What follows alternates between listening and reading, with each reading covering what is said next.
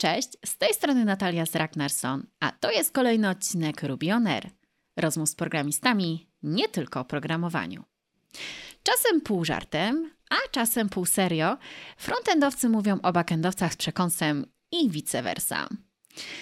Oba te światy, tych specjalistów od danych i specjalistów od guzików, e, łączy osoba full stack dewelopera – a co jeśli oprócz pokrywania tych dwóch obszarów, dana osoba specjalizuje się nie tylko w web development, ale też w mobilkach, a w wolnym czasie jeszcze angażuje się w game dev?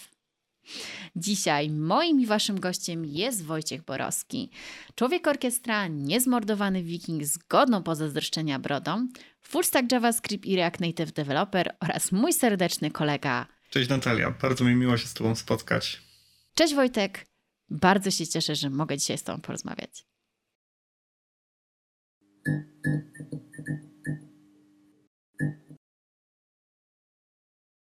Wiem, że nie mieliśmy okazji jeszcze porozmawiać sobie w takich warunkach wywiadowych. E, ja o tobie dosyć sporo wiem, już znamy się i długo razem ze sobą pracujemy, ale chciałabym słuchaczom przedstawić Twoją osobę, więc zaczynamy jak zawsze od mojego ulubionego tematu Origin Story.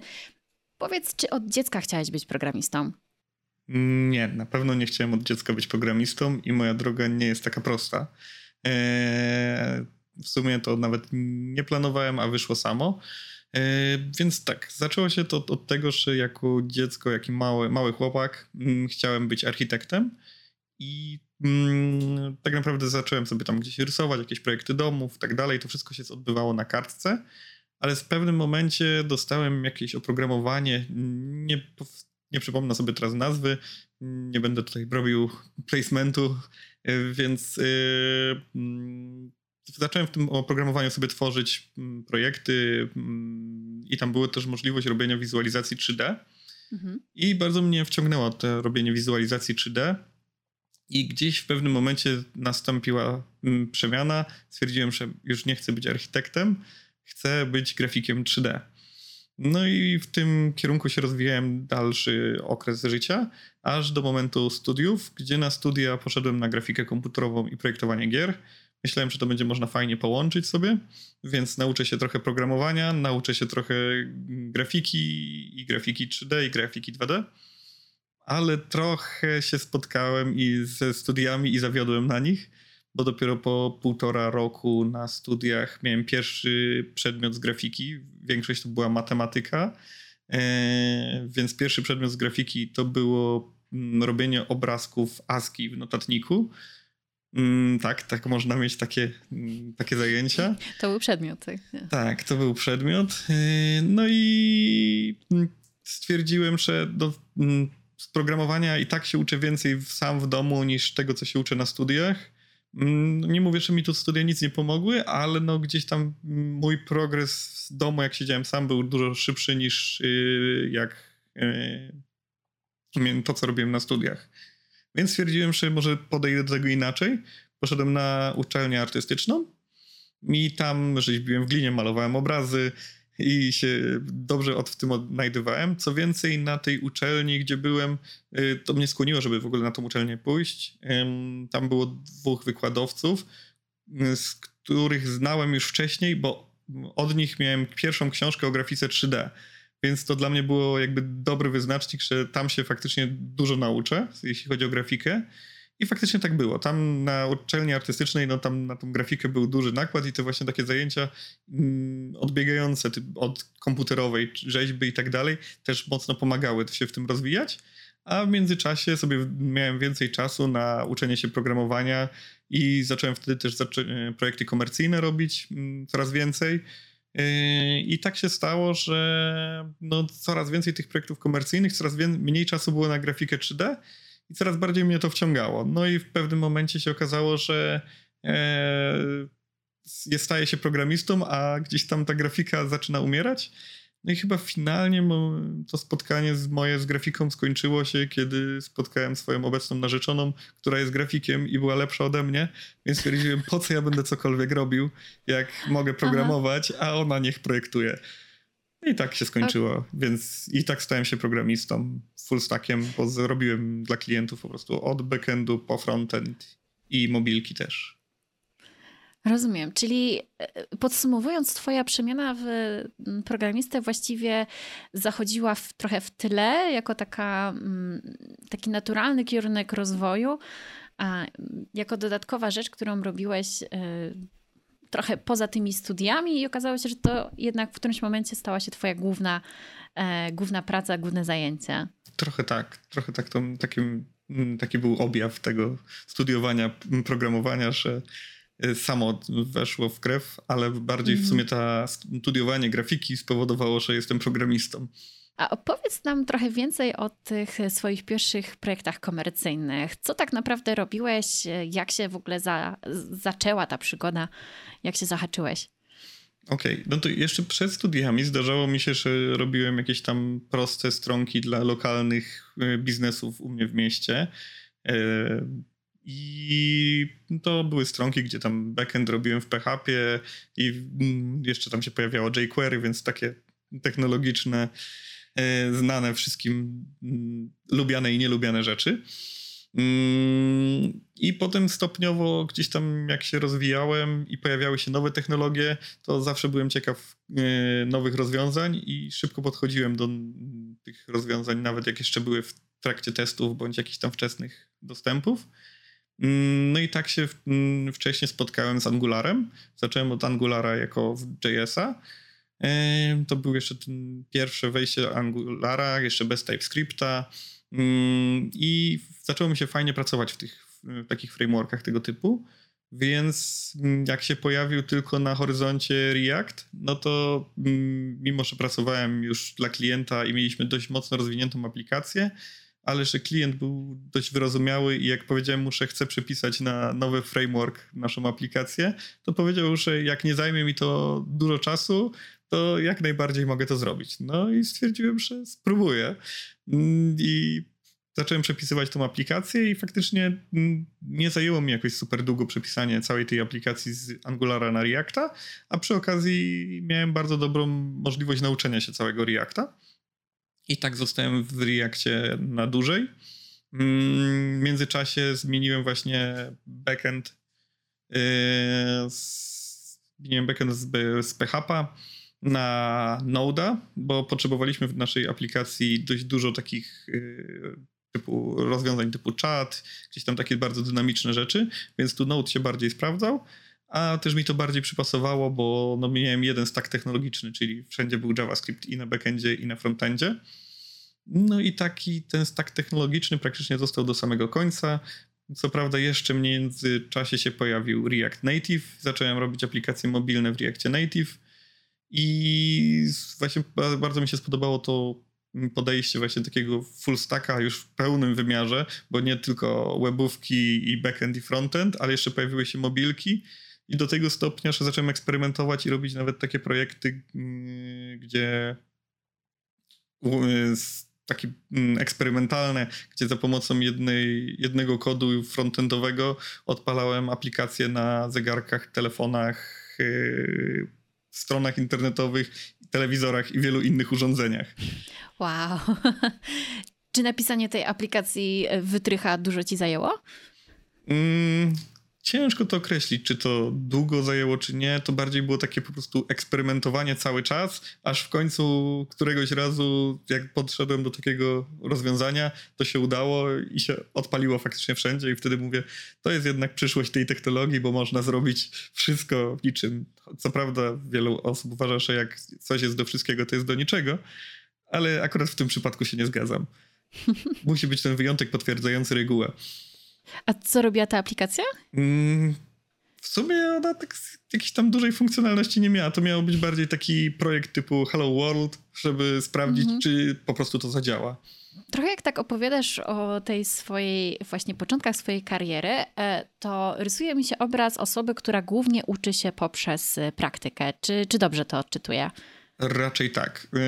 E, to jest prawdopodobnie, prawdopodobnie spowodowane moją osobowością, że ja lubię mieć dużo bodźców i jak zaczynam oglądać jakieś materiały takie edukacyjne, e, jakieś tam filmy, bądź zaczynam czytać o jakimś frameworku, bądź jakichś innych rozwiązaniach, pojawia mi się problem taki, że ja zaczynam się szybko nudzić, bo gdzieś tam zaczynam szybciej wybiegać, już myślę, co można by było dalej zrobić z tą aplikacją, co z tym kursem można dalej zrobić, gdzie mnie to dalej poprowadzi i po prostu wybiegam w przyszłość, no i zaczynam się gubić w tym, co aktualnie jest w, w tym poradniku, czy w jakimś tam materiale więc wolę po prostu eksperymentować, próbować i w międzyczasie, jak czegoś nie wiem, po prostu zacząć szukać, się dowiadywać, mhm. czytać dokumentację. Dokumentacja wydaje mi się najlepszym rozwiązaniem, bo po prostu to, co chcę, jest zazwyczaj zwięźle i dobrze napisane, o ile jest dobra dokumentacja. Ale tak trochę wracając jeszcze do Twoich początków. E, Mam wrażenie, że nie porzuciłeś kompletnie tego game devu, chociaż e, nie specjalizujesz się w tym kierunku, no to znając cię już te dwa lata, wiem, że ty kochasz gry i to e, nie tylko granie, ale też sam eksperymentujesz z tworzeniem zarówno planszówki, jak i gier komputerowych. A ostatnio nawet zacząłeś takie kółko zainteresowań w Ragnarson. Dlaczego więc nie pracujesz jako full-time e, w game devie?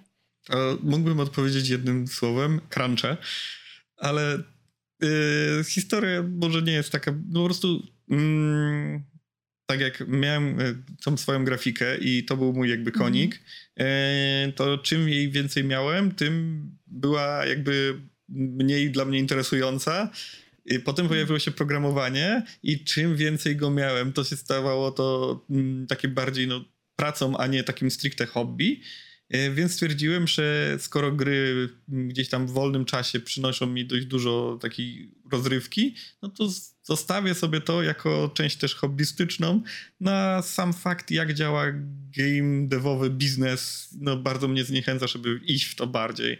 Więc zostałem mhm. po prostu takim hobbystycznym deweloperem. Wolę się e, właśnie tak jak mówisz, dzielić wiedzą z innymi, mimo że nie mam jakiegoś super doświadczenia w tym temacie, ale to, co mogę, to fajnie się jest podzielić i uczyć inne osoby. Jest taka obiegowa opinia, e, nawet e, powiedzonko, e, nie pamiętam czyje, a że jeżeli robisz to, co kochasz, to nie przepracujesz ani jednego dnia. I ludzie to jakby przekładają na to, że w sumie można ze swojego hobby zrobić pracę zawodową.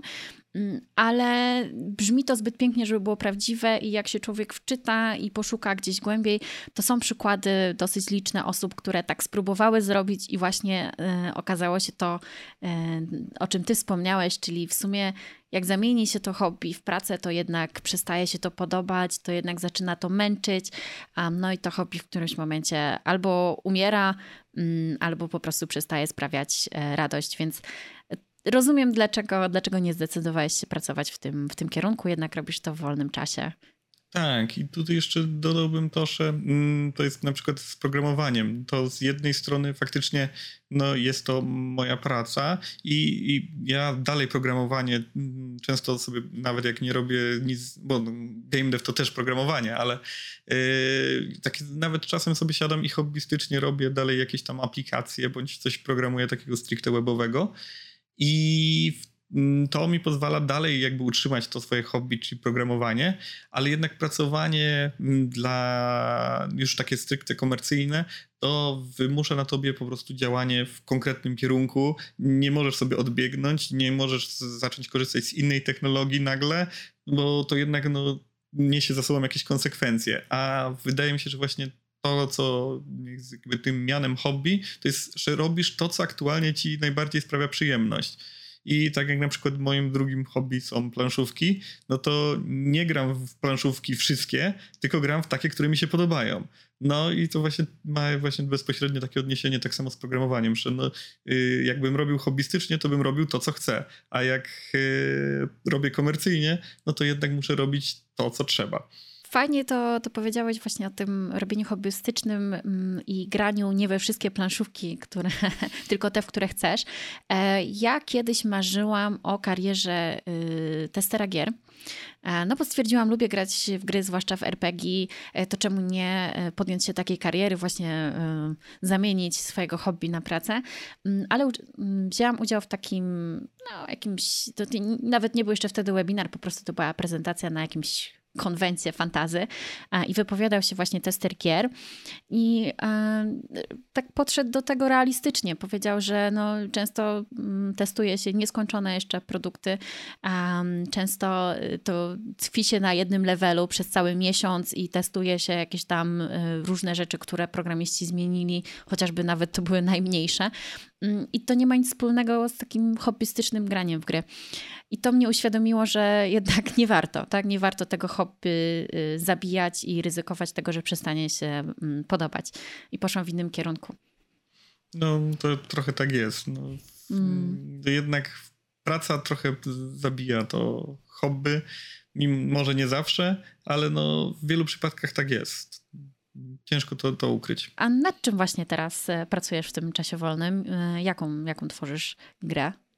No to tutaj akurat projekt, który obecnie robię, to bardzo łączy się z tematami, które już poruszyliśmy, czyli właśnie gry planszowe i gry komputerowe, e, bo kiedyś zagrałem na jakimś właśnie też takim evencie tutaj w Łodzi, bo jestem z Łodzi. E, taki, odbywają się tutaj czasem spotkania, gdzie można sobie zagrać w planszówki, które tam są zgromadzone w danym miejscu. No i tam wypróbowałem jedną grę planszową i w trakcie pierwszej rozgrywki od razu mi przyszło do głowy, że to by była fajna gra, gdyby była komputerowa. No i od tamtego czasu gdzieś tam cały czas ten projekt mi się e, gdzieś tam była iskierka w głowie i musiałem sobie go to ułożyć. Też no, założyłem sobie od razu, że to nie może być taka kopia jeden w jeden yy, gry planszowej. Nie chodziło mi o takie przeniesienie gry, jak są na przykład wsiąść do pociągu, jest planszówka i jest wiernie oddana wersja mhm. na komputer. Yy, chciałem tutaj po prostu taki, żeby to bardziej była gra komputerowa oparta na grze planszowej, a nie przeniesiona gra planszowa mm, do komputera. No i cały czas gdzieś sobie to powoli, gdzieś tam w wolnym czasie mm, rozwijam. No z racji, że to jest też gra sieciowa, no to to jest jednak trochę większy projekt, więc to nie jest taki projekt, który sobie gdzieś tam wyklepie w, w rok mhm. i się skończy. No, zajmuje mi to więcej czasu z racji tego, że to jest tylko robione właśnie w takich wolnych godzinach, po godzinach. I tak czy masz plana gdzieś tą grę wypuścić? Myślisz e, jakoś tak dalekosiężnie, czy raczej skupiasz się na e, robieniu tego tu i teraz? Nie, raczej skupiam się na robieniu tego tu i teraz, ale no docelowo chciałbym, żeby ta gra gdzieś tam zaistniała i chciałbym, żeby no, chociaż trochę osób w nią zagrało, żeby się dowiedzieć, czy to jest, czy jak ja tak myślę i że mhm. mi się to spodobało, no bo robię grę, którą sam bym chciał zagrać, no to czy innym też się spodoba. Czy muszę zmienić tak, kierunek z tym myślenia? robieniem gier, w które same chcielibyśmy zagrać, to dosyć niebezpieczny y, kierunek w game devie. To znaczy kilka firm, y, czytałam kiedyś taki artykuł w City Action, kilka firm na tym y, nieźle się przejechało, ale z drugiej strony trudno robić produkt, w którym byśmy nie chcieli zagrać. Mm, I, I, tylko kierować się jakimiś badaniami rynkowymi, które mogą być nieadekwatne. No, ale jestem bardzo ciekawa. Musisz e, kiedyś ten projekt, jak już będzie skończony, to podesłać.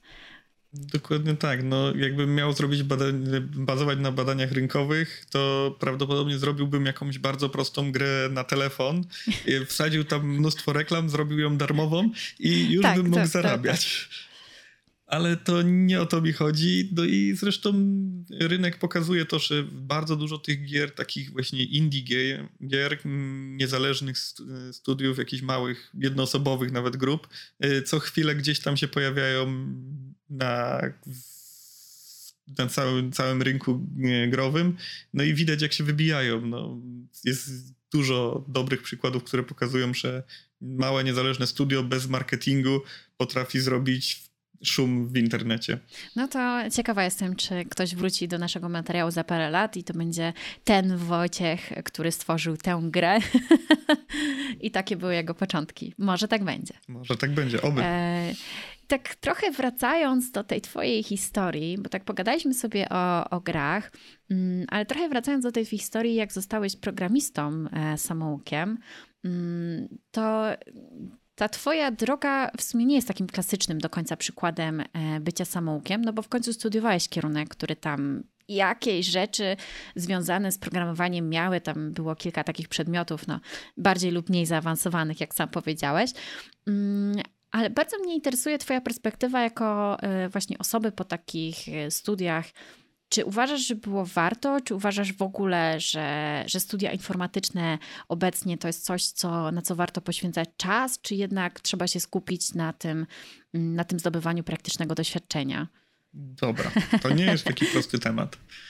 To, to, się mocno komplikuje i najprostsza odpowiedź, jaka mi się nasuwa, to czy warto studiować? Tak, bo to jest fajny czas, fajnie spędzone lata mm, i uważam, że to dużo zyskałem, nawet nie takich stricte związanych z uczelnią rzeczy, ale tego, mhm. co się działo w koło, mm, jakieś tam projekty nie, e, studenckie i tak dalej. Mm, tu, tu naprawdę było dużo rzeczy w moim życiu się wtedy wydarzyło i nie żałuję tego i powtórzyłbym to jeszcze raz, jakbym miał taką możliwość. E, ale sama mhm. uczelnia, na przykład w moim przypadku, to wiem, że na pewno w obecnych czasach się trochę zmieniło. To był, nie było tak, jak sobie to wyobrażałem na początku. Miałem poczucie takie, że jak pójdę na tą uczelnię, to faktycznie no, zdawałem sobie z tego sprawę, że matematyka jednak tu będzie potrzebna i fajnie, ale okazało się, że no, matematyka była, ale programowanie to było programowanie na przykład w takich językach, które nigdy więcej nie użyłem i może faktycznie się coś tam z nich nauczyłem, jakąś tam wiedzę wyciągnąłem taką bazową, którą można wykorzystać też w innych programach, w innych językach, ale jakby mm, liczyłem na to, że studia będą bardziej przygotowywać e, w, od, przynajmniej w odmianie do liceum czy tam gimnazjum, przygotowywać już do takiego, do pracy, do, do, do wykorzystania tego mm, praktycznie, a żeby to nie była tylko znowu teoria. No i jednak to była tylko teoria, której potem ciężko było wykorzystywać w praktyce. Z tego co widzę, bo mam na przykład młodszych znajomych, którym gdzieś tam pomagam się rozwijać w kierunku programowania yy, i byli studentami bądź są studentami, to widzę, że jest różnica, znacząca różnica że te studia mhm. idą w dobrym kierunku. Mam wrażenie, że trochę tutaj na to mają wpływ mm, te duże firmy e, związane właśnie z IT, z programowaniem, typu jakiś tam Microsoft, Google czy Amazon, bo oni inwestują w uczelnie, bo chcą sobie wyrobić pracowników i stąd też wymuszają trochę nowsze technologie, nowsze rozwiązania, inny trochę tok nauczania na uczelniach i stąd ta, to, co właśnie taki student wyciąga z uczelni, jest dużo lepsze, dużo bardziej mm, pozytywne i można to wykorzystać właśnie w sposób komercyjny później. Ale no mam i oby się to tak trzyma, ta tendencja wzrostowa, że coraz będzie lepiej. Yy, ale to też jest bardzo indywidualna sprawa każdej osoby. Z jednej strony jedni, jedne osoby takie jak ja, na przykład na uczelni, z racji, że ten poziom musi być wyrównany do wszystkich. Niektórzy mają szybciej przyswajają wiedzę, niektórzy wolniej, no więc to musi być tak wyrównane, żeby każdy miał czas yy, nadążyć nad wszystkim, wszystko zrozumieć. No i tak jak w moim przypadku, ja się dość szybko nudziłem, gdzieś tam robiłem sobie co innego, no a potem brakowało mi tego, co na przykład gdzieś tam usłyszałem, bo na egzaminie było e, to, co powiedział wykładowca, a ja akurat nie słuchałem.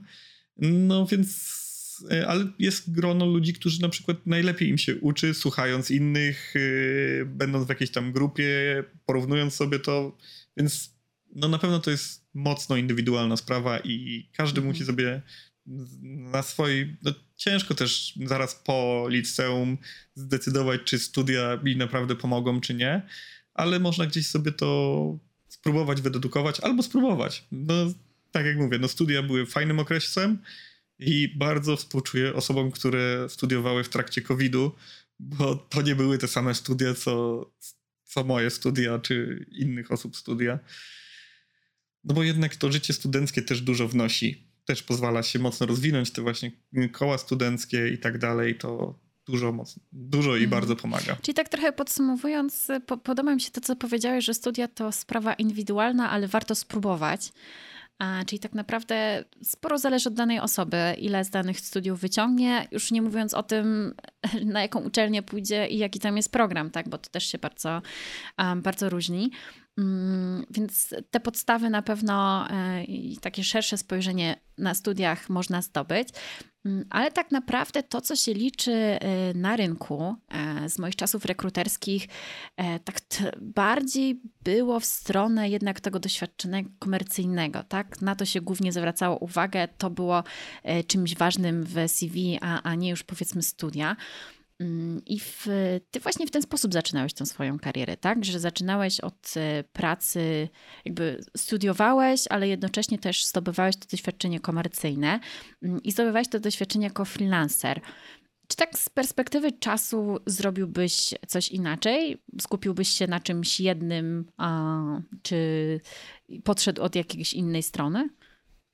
Coś na pewno bym zmienił.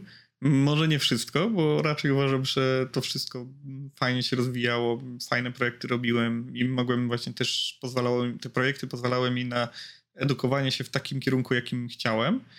E, co prawda zdarzyli się klienci, których bym zmienił i nie pracował z nimi, ale no to chyba każdy trafi kiedyś na jakiegoś klienta, z którym by nie chciał pracować. E, ale ogólnie chyba niczego, co do tej pory osiągnąłem i co, jaką decyzję podjąłem, nie żałuję. Więc... No, no to dobrze, dobrze słyszeć.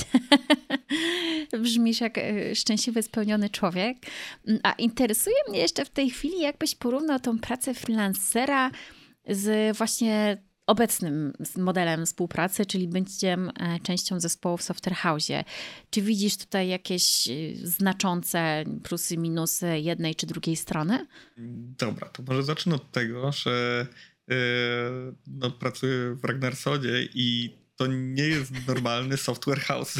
Może nie brzmi to dobrze, ale to jest bardzo pozytywna informacja. W takim sensie, że jak zacząłem, stwierdziłem, że może spróbuję właśnie software house'u i nie będę działał dalej jako freelancer e, w jakichś tam projektach, to zacząłem szukać mm, właśnie software house'ów, zacząłem o nich czytać. No i jak natrafiłem na Ragnarsona, no to jak sobie utworzyłem Excela, gdzie sobie uzupełniałem, czy tu już złożyłem dokumenty, czy nie i tak miałem po prostu sobie wszystko to gdzieś tam ułożone, to Ragnarson był na pierwszym miejscu, bo stwierdziłem, że to jest to, co mi najbardziej pasuje, bo ja bardzo lubię też y, sam ten etap i to coś można nazwać rozwijaniem firmy. No i z tego, co właśnie się dowiedziałem, zanim do, dołączyłem do Ragnarsona, yy, będąc yy, w software house takim jak Ragnarson, dalej będę mógł działać tak, jakbym rozwijał swoją firmę, dalej będę miał wpływ na klientów, będę miał wpływ na to, w jakim kierunku firma idzie i stwierdziłem, że to jest właśnie taki najlepszy etap właśnie, to nie będzie taka drastyczna zmiana, że nagle przechodzę z osoby, która wszystkim musiała gdzieś tam sobie sama zarządzać, skoro była e, freelancerem, na osobę, która będzie tylko klepać kod i nic więcej. I ta zmiana właśnie i przejście do Ragnarsona pozwoliło mi e, spełnić wszystkie te wymagania, które chciałem, czyli chciałem dalej być takim, no, tak jak jestem full stackiem, to w, w, całym życiu muszę wszystko robić, co tylko można. Więc stąd też mi się spodobało właśnie takie podejście. Więc tutaj, jeśli chodzi o pracę w software house, to bardzo mi się podoba, bo mogę dużą część czasu poświęcić właśnie na e, development i na e, kodowanie, ale w momencie, kiedy nagle chcę podziałać trochę w innych mm, materii, to nie ma żadnego problemu, sobie przeskakuję i dzia działam w innej materii. No, nie wszyscy dobrze się odnajdują w takim środowisku. E, niektórzy e, myślę, że nie lubią takiego multitaskingu, ale ty, e, ty tutaj potwierdzasz, że jesteś osobą, która po prostu rozkwita w, w, takim środowisku, lubisz być trochę zaangażowany we wszystko po trochu, e, powiedzmy nawet trochę rozrywany, e, lubisz jak dużo rzeczy się dzieje. Tak, tak, to, to ale to ja z, e, zawsze wiedziałem, że ja, tak jak już nawet wspomniałem wcześniej, że lubię mieć, e, jak dużo się dzieje. Mm, może mm, sam sobie wol, lubię na przykład spędzić czas tylko ze sobą, ale jak już gdzieś działam z innymi, to lubię, jak się faktycznie dużo dzieje mm, i wtedy jakby najwięcej z tego korzystam. No i tak samo właśnie w pracy. Lubię, kiedy mogę działać na wielu frontach, różne rzeczy rozwijać i to mi przynosi dużą satysfakcję. Nie, nie zawsze to wychodzi tak, jakbym chciał, bo no wiadomo, jak się ciągnie w każdą stronę, kilka srok za ogon, no to może to nie wyjść, ale jak się gdzieś to stara planować i wszystko gdzieś tam ułoży i ma się chęć i no, trzeba też mieć trochę energii do tego, e, więc e, można to, można to zrobić. No właśnie tak mówisz, dużo, lubisz jak dużo rzeczy się dzieje, ale też e, to oznacza, że musisz dużo rzeczy ogarniać, no bo musisz e, być na bieżąco z technologiami webowymi, z JavaScriptem, e, z technologiami mobilnymi, no przynajmniej tutaj w zakresie React Native.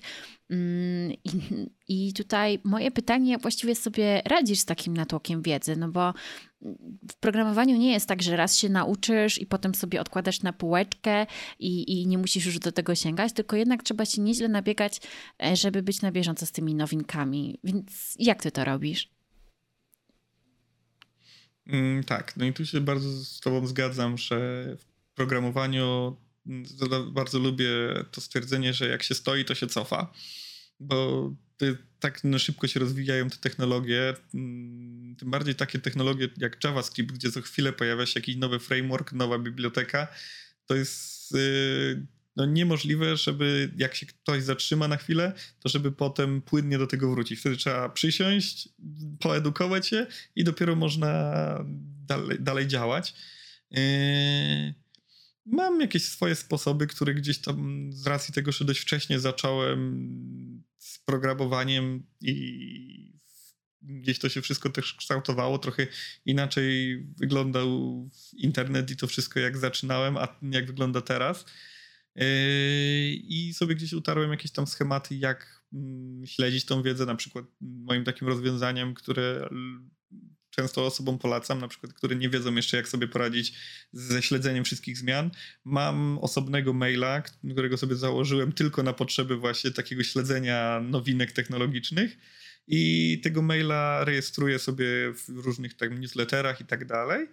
I sobie po prostu raz, co najmniej raz w tygodniu wchodzę i czytam po prostu te artykuły, które są faktycznie interesujące, które coś wniosą, ale nie trzymam takich właśnie newsletterów takim mailu, który używam na co dzień, bo często to się spotykało z tym, że po prostu jak taki newsletter przychodził, nie miałem czasu, zaznaczałem, że go przeczytałem, bo sobie tylko otworzyłem, ale musiałem przejść do innego tematu i gdzieś ten temat uciekał. A jak mam to wszystko w jednym miejscu skumulowane, to bardzo łatwo jest jakby sobie to śledzić i wiadomo, mm, też staram się e, żyć z ludźmi, którzy się tym wszystkim zajmują, więc i mam znajomych, którzy zajmują się mobilkami i pracuję z ludźmi, którzy zajmują się mobilkami. Znam się z ludźmi, którzy robią fronty webowe i pracuję też z ludźmi, którzy robią fronty webowe. No i tak samo z backendem. Mm, no i dzięki temu, że właśnie jestem jakby w tych kręgach zainteresowań, e, tych, tych, w sensie ludzi, którzy są zainteresowani tym samym, no to łatwo mi też to śledzić, no bo oni też się dzielą swoją wiedzą, to co przeczytali. Ja też lubię nawet w czasie takich spotkań, to wiele znajomych znowu narzeka, którzy nie są programistami, że, bo mam nawet taką grupę znajomych, z której jest, jest taki podział pół na pół, jest pół programistów, pół nie. I jak ta grupa programistów zacznie o słuchajcie, takiego frameworka nowego widziałem, no to tamci, o znowu. No, ale do, ja lubię na przykład tak właśnie, takie właśnie rozmowę za kulara, o Jezus Maria, może tego nie będę mówił, za kulisami, e, gdzie sobie rozmawiamy tak po prostu zupełnie swobodnie o, o tych nowych technologiach, mm, o tym jak się rozwija wszystko, to jakby to mnie dalej nakręca, że następnego dnia siadam i o, będę mógł, spróbować czegoś nowego, coś nowego się dowiedziałem, sprawdzę to, jak to działa i tak dalej. Z tego, co mówisz, e, i tutaj mnie popraw, jeżeli się mylę, ale bardziej masz takie podejście generalisty niż specjalisty, czyli starasz się ogarniać różne tematy, być w miarę na bieżąco, mm, ale nie specjalizujesz się, czy nie wchodzisz za głęboko w jakiś jeden tylko konkretny, no bo wtedy byś miał zaległości z innych. E, czy, czy ja to dobrze y, podsumowuję? Trochę tak, na pewno tak jest, mm, bo wydaje mi się, że właśnie dzięki temu, że no, obecnie internet i społeczność programistów wygląda mm, tak, jak wygląda, czyli nie muszę być specjalistą, żeby wszystko zrobić, takim super perfekcyjnym specjalistą, bo zawsze mogę skorzystać z internetu, jak czegoś nie wiem jak rozwiązać albo nie mam jakiegoś pomysłu, zawsze mogę właśnie wejść, zapytać się i znajdzie się osoba, która na przykład lubi siedzieć i mm, jakby skupiać z pełną uwagę na jednej technologii, na jednym rozwiązaniu i mm, dla mnie to by było jakby taką blokadą, bo bym musiał po prostu, nie mógłbym eksperymentować tak dużo, jak eksperymentuję teraz. Co chwilę jakaś nowa technologia, co chwilę można coś sprawdzić. Ja bym tak nie mógł i dlatego mogę skorzystać z wiedzy osób, które właśnie wolą skupić się na jednej rzeczy. Czy byłbyś jakoś tak w stanie podsumować, może trochę powiedzieć, co ci, jakie zalety widzisz tego bycia e, generalistą? Czy nie wiem, jakieś przykłady masz, jakieś sytuacje, w których ci to e, pomogło, jakieś konkretne, czy, czy nawet ogólnie? Takim najlepszym przykładem bycia takim generalistą to chyba jest określenie, że bardzo dobrze mogę sobie gdzieś tam z góry, jak na przykład pojawia się jakiś powiedzmy klient, który ma pomysł, że chce coś zrobić, ale nie jest mm, osobą techniczną, więc nie ma pomysłu, jak to rozwiązać. Znając właśnie dużą bazę tych wszystkich frameworków, technologii, bibliotek, rozwiązań, mogę w łatwy sposób sobie pomyśleć, co będzie najlepszym rozwiązaniem dla danego klienta, dla danej osoby, dla danego projektu. I mając właśnie tą ogólną wiedzę na, nawet o innych rzeczach, których nawet się nie specjalizuję jakoś bardziej, to gdzieś tam spotkałem się, gdzieś to spróbowałem, więc wiem, ok, to można wykorzystać tutaj, e, ale na przykład tamta technologia to by się nie sprawdziła, bo mhm. coś tam. Mm, więc to mocno pomaga, że właśnie mam taki duży wachlarz z, y, zainteresowań i mogę sobie to gdzieś tam przenieść potem takim biznesowym rozwiązywaniu problemów. Czyli tak z jednego pieca już chleb jadłeś i teraz jesteś w stanie powiedzieć, który jest lepszy do którego dania, bym powiedziała. Czyli gdzie tutaj, Dokładnie jakie rozwiązanie tak. zastosować. Ale tak, tak mam takie dziwne wrażenie, że jednak musisz mieć jakąś preferencję, że może jednak coś ci więcej sprawdza, sprawia przyjemności, a może coś mniej lubisz. Nie masz czegoś takiego, że bardziej lubisz ten y, mobile development, albo że bardziej lubisz web development, frontend, backend. Nie masz jakichś takich y, tutaj swoich własnych upodobań? Mm, moim upodobaniem jest to, ta technologia, którą robiłem najdawniej od obecnego momentu, czyli jak gdy na przykład siedziałem teraz na, w mobilkach, potem w webówce, a y, na przykład y, backendu dawno nie dotykałem, to wtedy najbardziej lubię backend. Ale jak usiądę na jakiś czas do backendu, to potem najbardziej tęsknię na, za na przykład mm -hmm. za webówką taką typową. Ale nie, ciężko określić, że najbardziej, największą przyjemność mi sprawia, choć mam wrażenie, że jakbym mhm. musiał zdecydować, to jednak chyba backend sprawia mi najwięcej przyjemności, naj, najdłużej utrzymuje moją mhm. uwagę. Yy, z tego względu, że mam takie poczucie, tu mam nadzieję, że żadni frontendowcy na mnie się nie obrażą, e, że jednak na backendzie jest więcej takich logicznych e, zagadek, mhm. w które można się pobawić i pomyśleć, jak je rozwiązać. A to się pewnie wiąże z tym, że lubię też właśnie te gry planszowe i rozwiązywać różne zagadki. To ten backend jakby mhm. oddaje trochę to ten tak, świat. Tak, wszystko u ciebie się łączy w taką spójną, spójną całość, bo tak jak powiedziałeś, najbardziej ci się podoba ta technologia, w której najdawniej pracowałeś, to tak wskazuje na to, że lubisz zmiany, nie? że cały czas coś musi się dziać, a i ten backend ci się podoba, bo lubisz zagadki, czyli tutaj są te gry, gry planszowe, yy, które są twoim hobby. Yy. A powiedz jakby... Yy, bo jedna rzecz to jest e, kwestia tego, że tobie bycie fullstackiem wyszło trochę naturalnie, mm, ale y, z drugiej strony, no może y, ktoś chciałby pójść trochę w twoim kierunku, a jest zainteresowany, jak można takim fullstack deweloperem w JavaScriptie zostać. Czy masz może jakiś sekretny, nie wiem, przepis, może jakieś porady? Byłbyś w stanie coś komuś e, wskazać, jakąś drogę? Mm, no to tak jak już e, użyłem dzisiaj tego stwierdzenia, e, moim przepisem, tak jak powiedziałem o studiach, tak samo tutaj, e, po prostu nie bać się i próbować, bo jak się nie spróbuje, to się nie dowie. No a uczenie się, ja wychodzę z założenia, że uczenie się na cudzych błędach to nigdy nie wychodzi. Raczej trzeba się potknąć na swoich błędach i wykorzystać tą wiedzę, że jak lecę, to lepiej się podeprzeć mm -hmm, rękoma, mm -hmm. a nie upadać na twarz.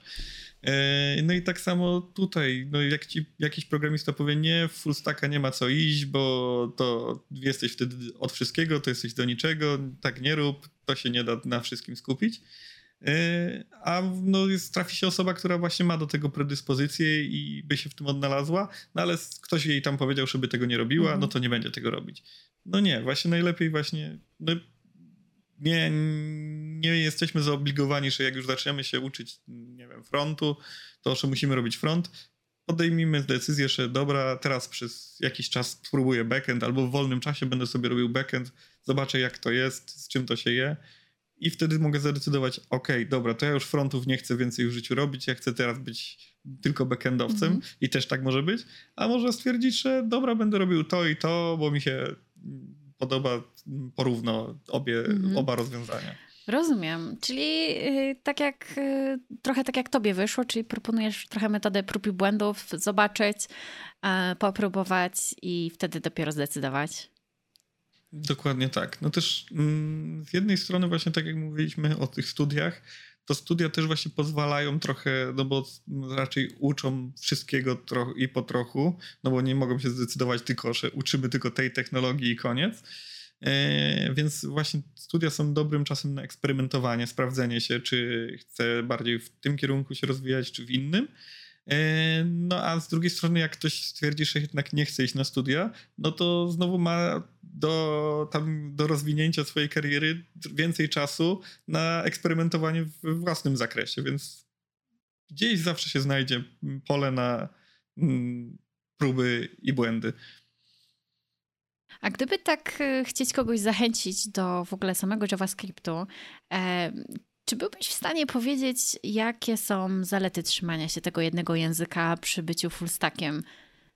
No to już chyba mówiłem o tych zaletach, że mm, można zrobić za pomocą jednej technologii wszystko, co tylko żywnie się podoba i mm, nawet znajdą się silniki do gier napisane w JavaScriptie, więc jakby ktoś chciał, to na upartego nawet w JavaScriptie może gry pisać, więc no to to jest chyba największa zaleta. No, ja zdaję sobie sprawę, że JavaScript sam w sobie ma wady i ma pewne głupie rozwiązania, ale no, do tego mhm. się da przyzwyczaić i nauczyć się z tym walczyć. Jak się rozumie, co źle działa, to wiadomo, jak na to reagować.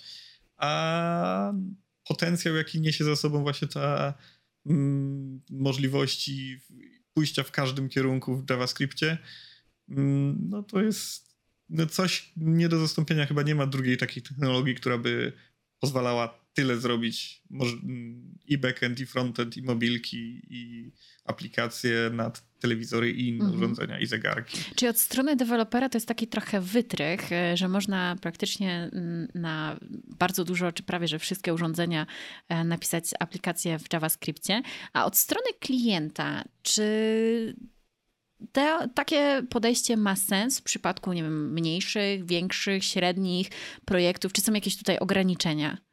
Nie ma ograniczeń. No, raczej nie ma ograniczeń. No, wiadomo, zawsze gdzieś tam każda technologia ma ze sobą jakiś tam e, bagaż, który potem ciężko przeciągnąć na dobrą stronę, ale mm, to, że właśnie jeden deweloper, czy nawet tam dwóch deweloperów, czy jakaś tam grupa deweloperów, która orientuje się w JavaScriptie, może dynamicznie przeskakiwać tak naprawdę, jak jest właśnie taka zwinna i może przeskakiwać pomiędzy backendem a frontendem, to tak naprawdę jeśli mamy większe zapotrzebowanie na backend, przerzucamy tych ludzi na backend, jeśli chcą, i robią backend, a jak brakuje na froncie obsługi, no to wtedy mogą przeskoczyć na front. I wtedy nie ma takiego przestoju, że dobra, to, teraz backendowcy czekają, bo frontend się nie wyrabia, albo w drugą stronę. No właśnie ta zwinność tutaj mm, dużo pomaga przy Okej, prowadzeniu czyli też jakby projektów. dla klienta, mm, dla projektu mm,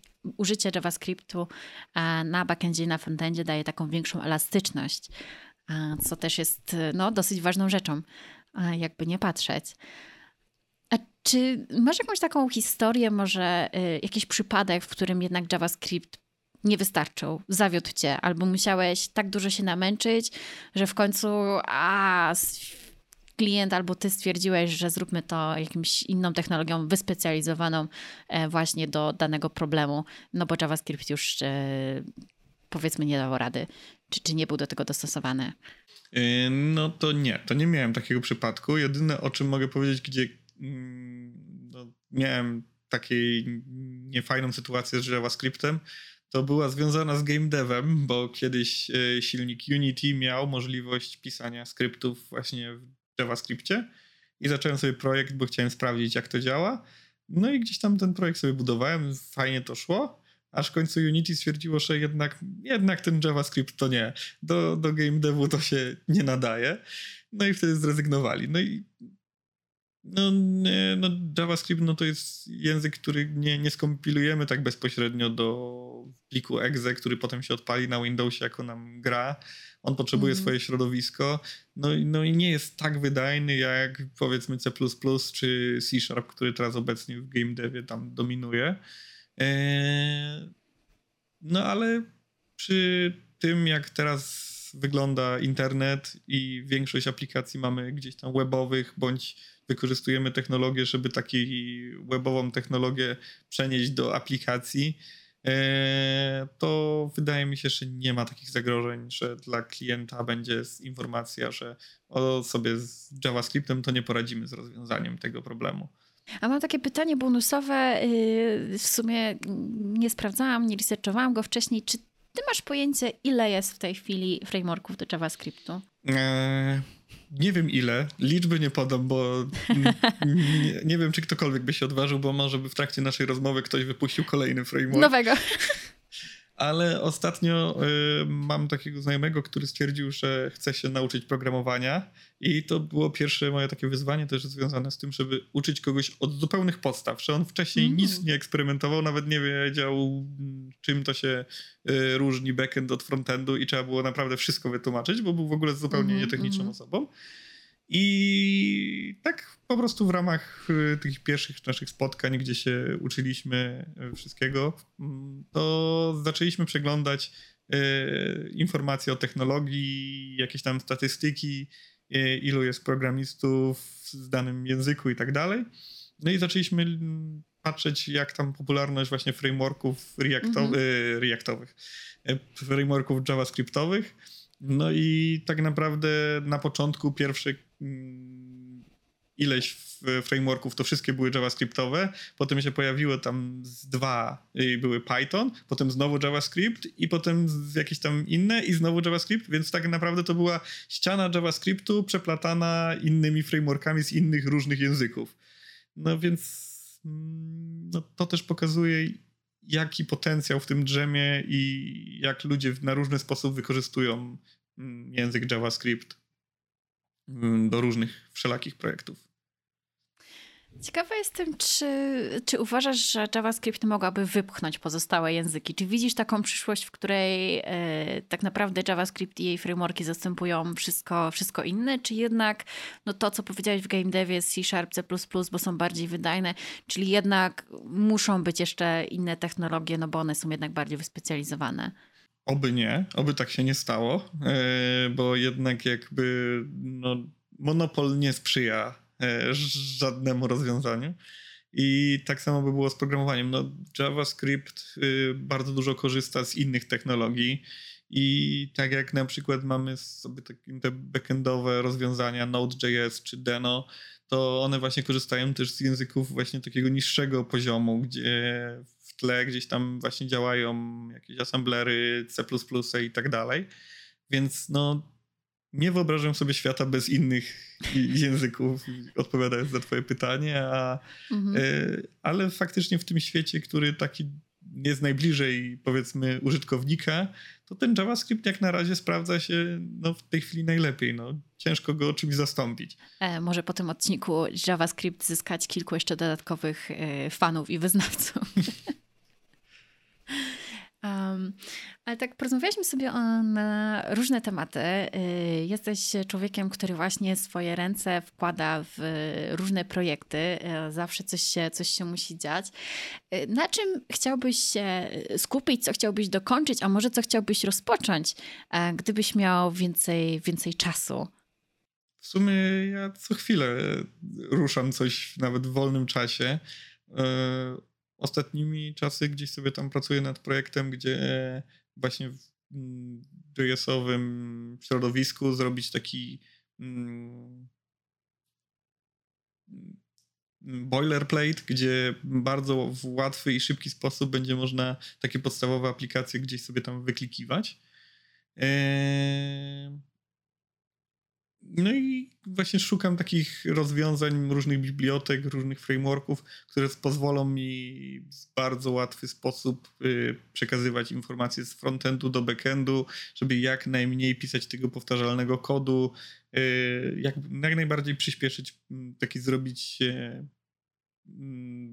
dobre doświadczenie dla dewelopera, niekoniecznie dla użytkownika potem finalnego. Żeby deweloperowi się dobrze pracowało, a nie potem użytkownikowi. No bo nie, niektóre frameworki skupiają się na tym, żeby mieć dobry performance, ale no, programista musi dużo wtedy kodu napisać i jakieś tam różne rozwiązania stosować. A nie zawsze się myśli o programistach, że programista też by chciał fajnie sobie poprogramować. A, czyli co? Następny krok to może zaangażowanie się w jakieś open source, no bo zakładam, że nie chciałbyś tego pisać do szuflady. No to cały czas gdzieś mi tam chodzi po głowie mm, jakieś napisanie właśnie rozwiązań open source'owych bądź rozpoczęcie jakiegoś takiego projektu. E, no ale tak jak już stwierdziliśmy, że jak wkłada się w ręce we wszystko, to na nie wszystko jest czas. E, no i teraz gdzieś tam w wolnym czasie mocno się skupiam na tym game devie, więc gdzieś ten takie pomysły rozwijania technologii mm, są gdzieś na boku, ale no tak jak zawsze, no, w którymś momencie game dev na chwilę odejdzie na bok, a ściegnę po coś innego i wtedy może powstanie jakiś projekt. Dziękuję Ci Wojtku za bardzo miłą rozmowę. E, jeżeli naszym słuchaczom również się podobało, to nie zapomnijcie zostawić nam łapki w górę i subskrybować nasz kanał. Oczywiście klikając w ikonę dzwoneczka, żeby nie przekabić najnowszych odcinków, które pojawią się już wkrótce. Cześć, ja też Wam bardzo dziękuję za rozmowę. Do zobaczenia. A jeżeli chcecie wiedzieć więcej, w tym poznać kilka ciekawostek za kulis, znajdziecie nas na naszym profilu na Facebooku.